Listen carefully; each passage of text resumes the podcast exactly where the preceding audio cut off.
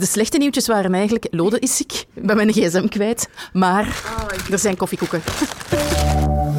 En wij moeten nog eens even terug naar de lijstvorming van de politieke partijen. Maar daar zijn vaak heel blije gezichten bij, maar bij Groen toch ook heel wat ontgoochelde. Ik kan me dat toch voorstellen. Allee, let's face it, er zijn niet zoveel goede plekken op een lijst. Hè? Nee, zeker nu niet. Lijsten vormen voor de verkiezingen. Hoe hard gaat het eraan toe? En dan nog die poll op X die Alex Jones terug laat komen. Dat heb ik ook. Weet je nog dat ik hier aan het zeggen was? Ik vind dat hij goed. Elon Musk is gestoord Ja. en iedereen maar gewoon overdrijft. Zie nu. Waar gaat het heen met Twitter? En ik bedoel natuurlijk X. En wie is Joost Klein? Ah, ik kan niet zingen, maar... eh, niet zingen, maar je doet wel... eh, En toch gaat hij voor Nederland naar het Songfestival. Wie ik ben, dat weet ik. Ik ben Katrien Boon en ik gids je door dit kwartier. Het is het moment. Niet alleen om kerstballen op te hangen en glühwein in te slaan, maar ook het moment waarop partijen volop hun kieslijsten maken voor de verkiezingen van volgend jaar. En daar komt niet altijd vrede op aarde van. Integendeel, het kan ferme spanningen veroorzaken als iemand niet de plek op de lijst krijgt die hij of zij verwacht. Kijk maar naar Celia Groothedde, een Vlaamse volksvertegenwoordiger voor Groen, die zich geregeld laat horen in het parlement. Met hun eigen belastinggeld worden vrouwen teruggestuurd naar de haard in de jaren 50. En het Vlaams Belang ondermijnt het parlement. Het is helemaal volgens hun programma en traditie. Ook dat ze nu aan het roepen zijn. Zij krijgt geen plaats op de Vlaamse kieslijst en moet tevreden zijn met lijstduwer voor het Brussels parlement. Op Instagram lucht ze daar haar hart over. Ik wilde graag de lijst trekken voor het Vlaams parlement. Ik denk dat er in het Vlaams parlement heel veel werk op de plank ligt. En ik had graag daar werk verzet. Ik ga nul stenen werpen naar de leden. De leden hadden dit keer een heel moeilijke keuze. En een puzzel die nationaal echt moeilijk was gelegd. En heel wat supporters van Groothedde die zijn nu verontwaardigd dat hun favoriete politica van de Vlaamse lijst is gevallen. Die hele lijstvorming, het lijkt me een gedoe en ik heb er wel wat vragen bij. En daar kan deze man mij bij helpen. Ik ben Dave Sinarde, professor politieke wetenschappen aan de VUB. Ik vuur drie vragen af. 1. Hoe wordt zo'n kieslijst gemaakt? Ja, in België zijn partijvoorzitters zeer machtig in de politiek en dus ook bij een cruciaal moment als de lijstvorming. Dan hebben zij een belangrijke vinger in de pap te brokken. Tegelijkertijd spelen de provinciale afdelingen ook wel een belangrijke rol, hè, want we hebben provinciale kieskringen. Maar dat verschilt van partij tot partij. Dat kan ook evolueren. Bij Vooruit waren die afdelingen provinciaal bijvoorbeeld zeer machtig, tot Conor Rousseau de macht meer naar de nationale partijtop heeft getrokken de voorbije jaren. Een belangrijke uitzondering is groen. Eh, daar loopt het helemaal anders, want daar leeft de basisdemocratie. Daar worden er dan zogenaamde polcomité's opgericht, die vooral zijn samengesteld uit vrijwilligers. Die moeten dan een voorstel doen voor de lijst en dat voorstel moet al dan niet goedgekeurd worden door de leden op congressen die ook op provinciaal niveau worden georganiseerd. Maar in de andere partijen ja, zie je echt wel dat die nationale partijtop een heel belangrijke rol speelt. 2. Hoeveel ellebogenwerk komt er daarbij kijken? Ja, de periode van de lijstvorming is altijd een periode binnen partijen die tot heel veel spanningen en conflicten leidt. Zeker bij partijen die in krimpscenario's zitten, hè, die bijvoorbeeld slecht doen in de peilingen, ja, waardoor heel wat mensen die nu verkozen zijn wellicht niet meer zullen kunnen verkozen worden. De plaatsen worden dan heel duur en dan ga je makkelijker conflicten krijgen. Hè. Denk bijvoorbeeld aan, eh, ja, aan Open VLD de voorbije maanden. In Oost-Vlaanderen was er toch wel een harde strijd voor de tweede plaats op de Vlaamse lijst tussen voormalig voorzitter Egbert Lachaert aan de ene kant en eh, huidig Vlaams parlementslid Jean-Jacques de Gucht aan de andere kant. Hè. En dan gebeurt het ook wel eens dat men probeert elkaar te beschadigen. Dus je voelt wel dat het er dan wel hard kan aan toegaan. Het is trouwens niet alleen partijen in krimpscenario's die een probleem hebben. Soms is dat ook zo voor partijen in groeiscenario's, maar dan is het een heel ander probleem. Want dan is het soms lastig om de lijsten gevuld te krijgen met degelijke kandidaten. Ik herinner mij dat Bart de Wever na een onverwacht grote overwinning voor zijn partij zei ja, iedereen die moest verkozen worden, is verkozen, maar uh, wie niet moest verkozen worden, die is ook verkozen. En drie, wat bepaalt uiteindelijk of iemand al dan niet een goede plek krijgt? Er zijn heel veel factoren die meespelen bij de lijstvorming en die dan uiteindelijk gaan bepalen wie welke plaats krijgt.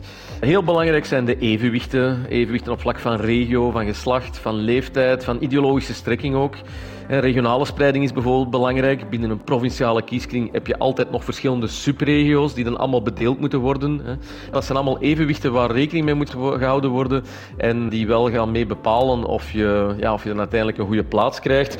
Maar natuurlijk, zoals in elke organisatie, mm, ja, persoonlijke contacten, goede verstandhouding met mensen ja, die in belangrijke beslissingsfora zitten, door eens te gaan eten met iemand, door een koffie te gaan drinken, ja, dat speelt natuurlijk ook allemaal een rol. Uiteraard zal politiek talent ook een rol spelen. En de mate waarin dat iemand bijvoorbeeld als parlementslid al eh, sterk is opgevallen. Maar eh, het is zeker niet enkel talent dat een rol speelt.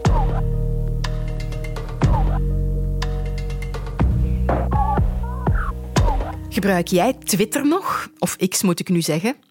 Mijn eigen leven op X dat staat op een heel laag pitje en ik heb het gevoel dat dat wel bij meer mensen zo is. Ja, ik ga dat eens gewoon gaan vragen hier op de vloer. Het zijn allemaal journalisten, dus ik wil het wel eens weten. Ik gebruik het passief, dus voor nieuws, maar ik post zelf nog weinig. Ik ben een beetje afgehakt. Blijft wel relevant, hoewel ik veel meer Telegram gebruik dan Twitter. Veel minder dan vroeger. Ja, absoluut. Post eigenlijk niks meer. Nee. Veel bagger en, en ja, negativiteit blijft wel een interessante bron voor nieuws.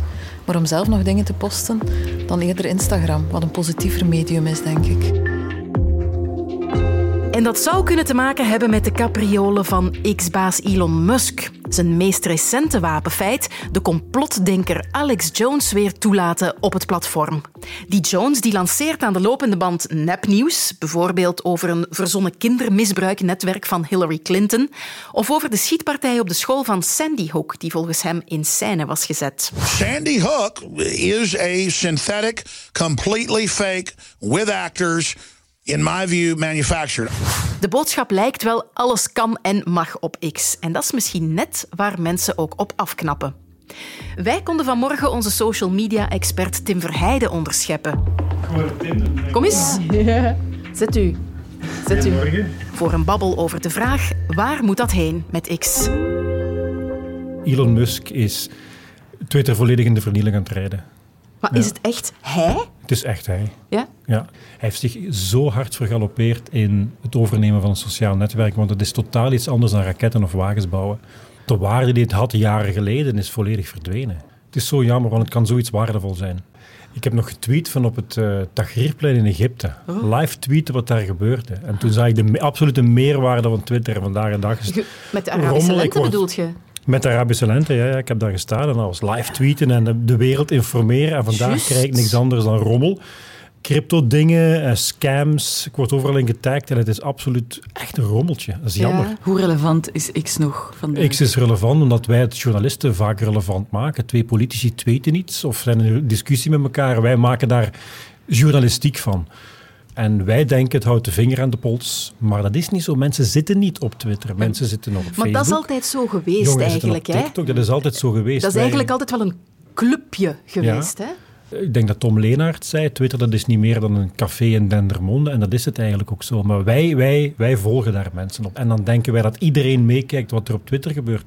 Wij maken nieuws van Twitter, terwijl het het absoluut niet meer waard is. Ik vond het oprecht boeiend en al mijn naïviteit toen Elon Musk Twitter overnam, omdat hij aan het dromen was. Of de, en, en, en, en hij sprak er ook wel over. En de berichten waren ook over dat X een alomvattende app ging worden. Toch wel een visionaire ondernemer, Elon Musk, die toch wel iets betekend heeft. Maar sinds hij Twitter heeft overgenomen, heb ik het gevoel dat we hij heeft een complex, een Romeins keizercomplex, heb ik hem ooit genoemd in een stuk dat ik geschreven heb voor VRT Nieuws. Dat hij zonder visie duim omhoog of duim omlaag beslist over wat er op Twitter gebeurt. En sinds hij het overgenomen heeft, is het echt bergaf aan het gaan. Maar heel veel mensen zullen het oneens met mij zijn, omdat ze eindelijk mogen zeggen wat ze willen. maar is er iets nieuws op komst? Is er iets of een platform dat zich profileert als kom naar hier en hier is het wel netjes en gezellig? Maar je hebt heel veel alternatieven voor, eh, voor Twitter, of X, ik blijf Twitter zeggen. Blue Sky, Post Social, je hebt Threads. Dat zou uitkomen nu ook, hè? de app van Mark Zuckerberg. Maar dat is, er gebeurt niks op. Dat is het probleem, er gebeurt niks op. Als er dan toch nog ergens iets gebeurt, is het op Twitter slash X. Dus er is een collectieve volksverhuizing nodig. Er is een collectieve volksverhuizing nodig. Ehm, maar ik weet niet of, of het nog mogelijk is om vandaag de dag een app te creëren dat dezelfde impact zal hebben als Twitter zoveel jaar geleden of Facebook of wat dan ook. En hoe gevaarlijk is dat, wat er nu gebeurt, dat Alex Jones terugkomt? Ik weet niet of het gevaarlijk is. Ik denk dat dat alleen, ja, het is weer toxisch. Je blijft op een platform zitten waar dat de eigenaar haattweets en hate speech stimuleert. Spuigal, maar alles mag en alles kan gezegd worden hier. Ik vraag me af dat eigenlijk nog moet. Het, het, marktplein. En dat is mooi. Dat is die filosofie van het internet van jaren geleden. We gaan een marktplein creëren waar alles gezegd kan worden, waar alles moet gezegd worden, maar we gaan het wel een beetje modereren en zorgen dat het beschaafd blijft, maar het blijft niet beschaafd. Ja. Kunnen we nog iets positiefs zeggen over Twitter op dit moment? Als je zo tussen alle desinformatie jou een weg baant, dan zie je eigenlijk hoe bijvoorbeeld in het conflict Israël en Maas toch nog altijd heel veel mensen bezig zijn met zo de waarheid te vinden. Dus je zit daar met burgerjournalisten, tussen aanhalingstekens, die beelden naar buiten brengen, die foto's naar buiten brengen, kan zeer waardevol zijn, maar het is natuurlijk gestuurd vanuit een bepaalde kant. En dan is Twitter wel weer waardevol, dat je daar ook heel veel mensen op, op, op hebt zitten die zeggen van kijk, we gaan het eens onderzoeken, die beelden. En dan zie je live toch ook wel waardevolle dingen gebeuren. We noemen dat open source investigations. Die gebeuren nog op Twitter live. Dus als het gaat over de waarheid, die is niet altijd te vinden op Twitter, maar het kan wel. En daar is geen alternatief voor op dit moment.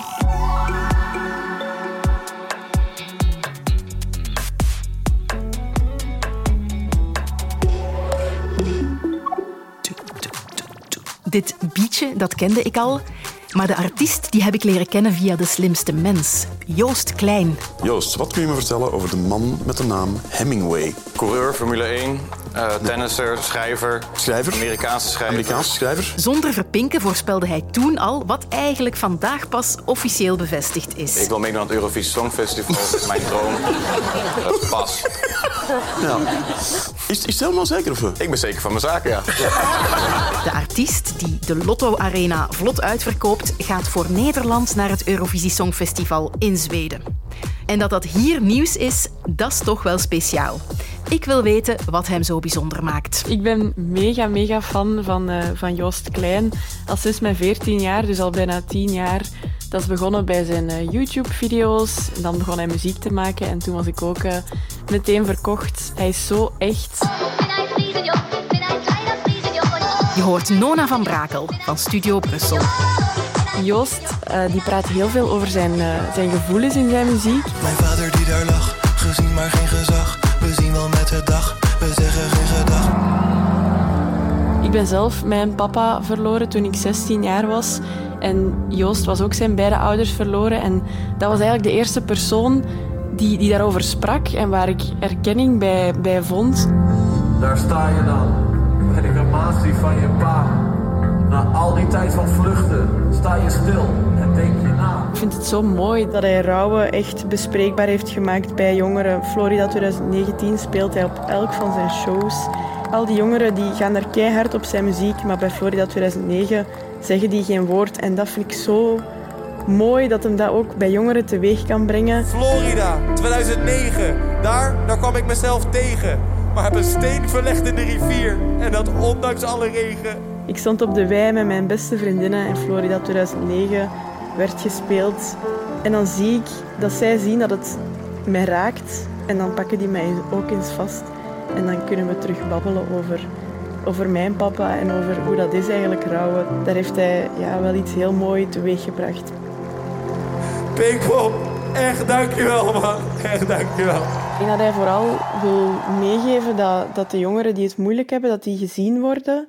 Dat hij die ziet en dat er ook een, een plek is uh, voor hun om het allemaal ofwel even te vergeten, zoals met de, met de harde muziek die hij maakt, ofwel helemaal even in die emotie te kruipen, met Florida 2009 bijvoorbeeld.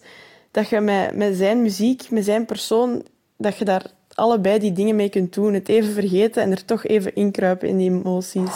Met pijn in mijn stem weet ik hoe fucked up het is om in een zorgsysteem te zitten wat gewoon niet werkt. Hele goedemiddag met de gezondheidszorg. Beetje klein, beetje klein, ik heb nu hulp nodig. Ja, ja, ja, oké, ja. Uh, we hebben wel een plekje over twee jaar. Twee, twee jaar, wat? Ja, fuck? Ja, ja, ja, ik stop je even op de wachtlijst. Nee, nee, ik wil niet wachten. Ik, wil... nee, nee, nee. ik hoop gewoon voor de jongeren die nu van een vechtscheiding tot aan iemand verliezen. Ik hoop dat vanavond een plek was en voor altijd zal zijn waar je je thuis voelt.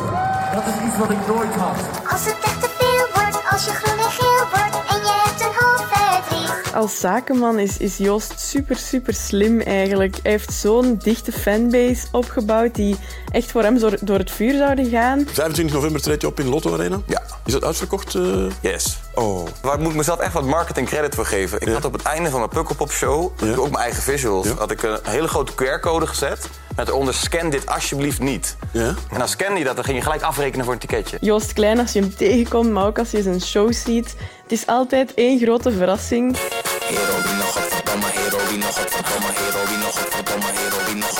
Dus ik denk dat hij gewoon echt zijn eigen goesting doet. Hij komt mensen tegen, eh, zoals DJ Vieze Asbak. Die maakt dan eh, heel heftige muziek met een dikke beat eronder, echt hardstyle-achtig. En dan zegt hij, kom, we gaan gewoon samen iets maken. En dan is dat het meest absurde lied ooit. Maar zijn fans ja, begrijpen hem en die gaan ook helemaal mee op die golf daardoor. Kopje erbij houden, Joost Klein Droom Groot. En deze podcast is klaar. Ik zet hem toch maar op X en dan kan jij daar laten weten wat je ervan vindt. Als het maar beschaafd blijft natuurlijk. Ben je fan van podcasts zoals Weet ik veel, De Wereld van Sophie of Waar is zuster Gabriel? Kom dan op zaterdag 9 maart naar het live podcast-event van VRT Max in Lamotte in Mechelen en ontdek er deze en vele andere podcasts. Tickets en info op VRT Max.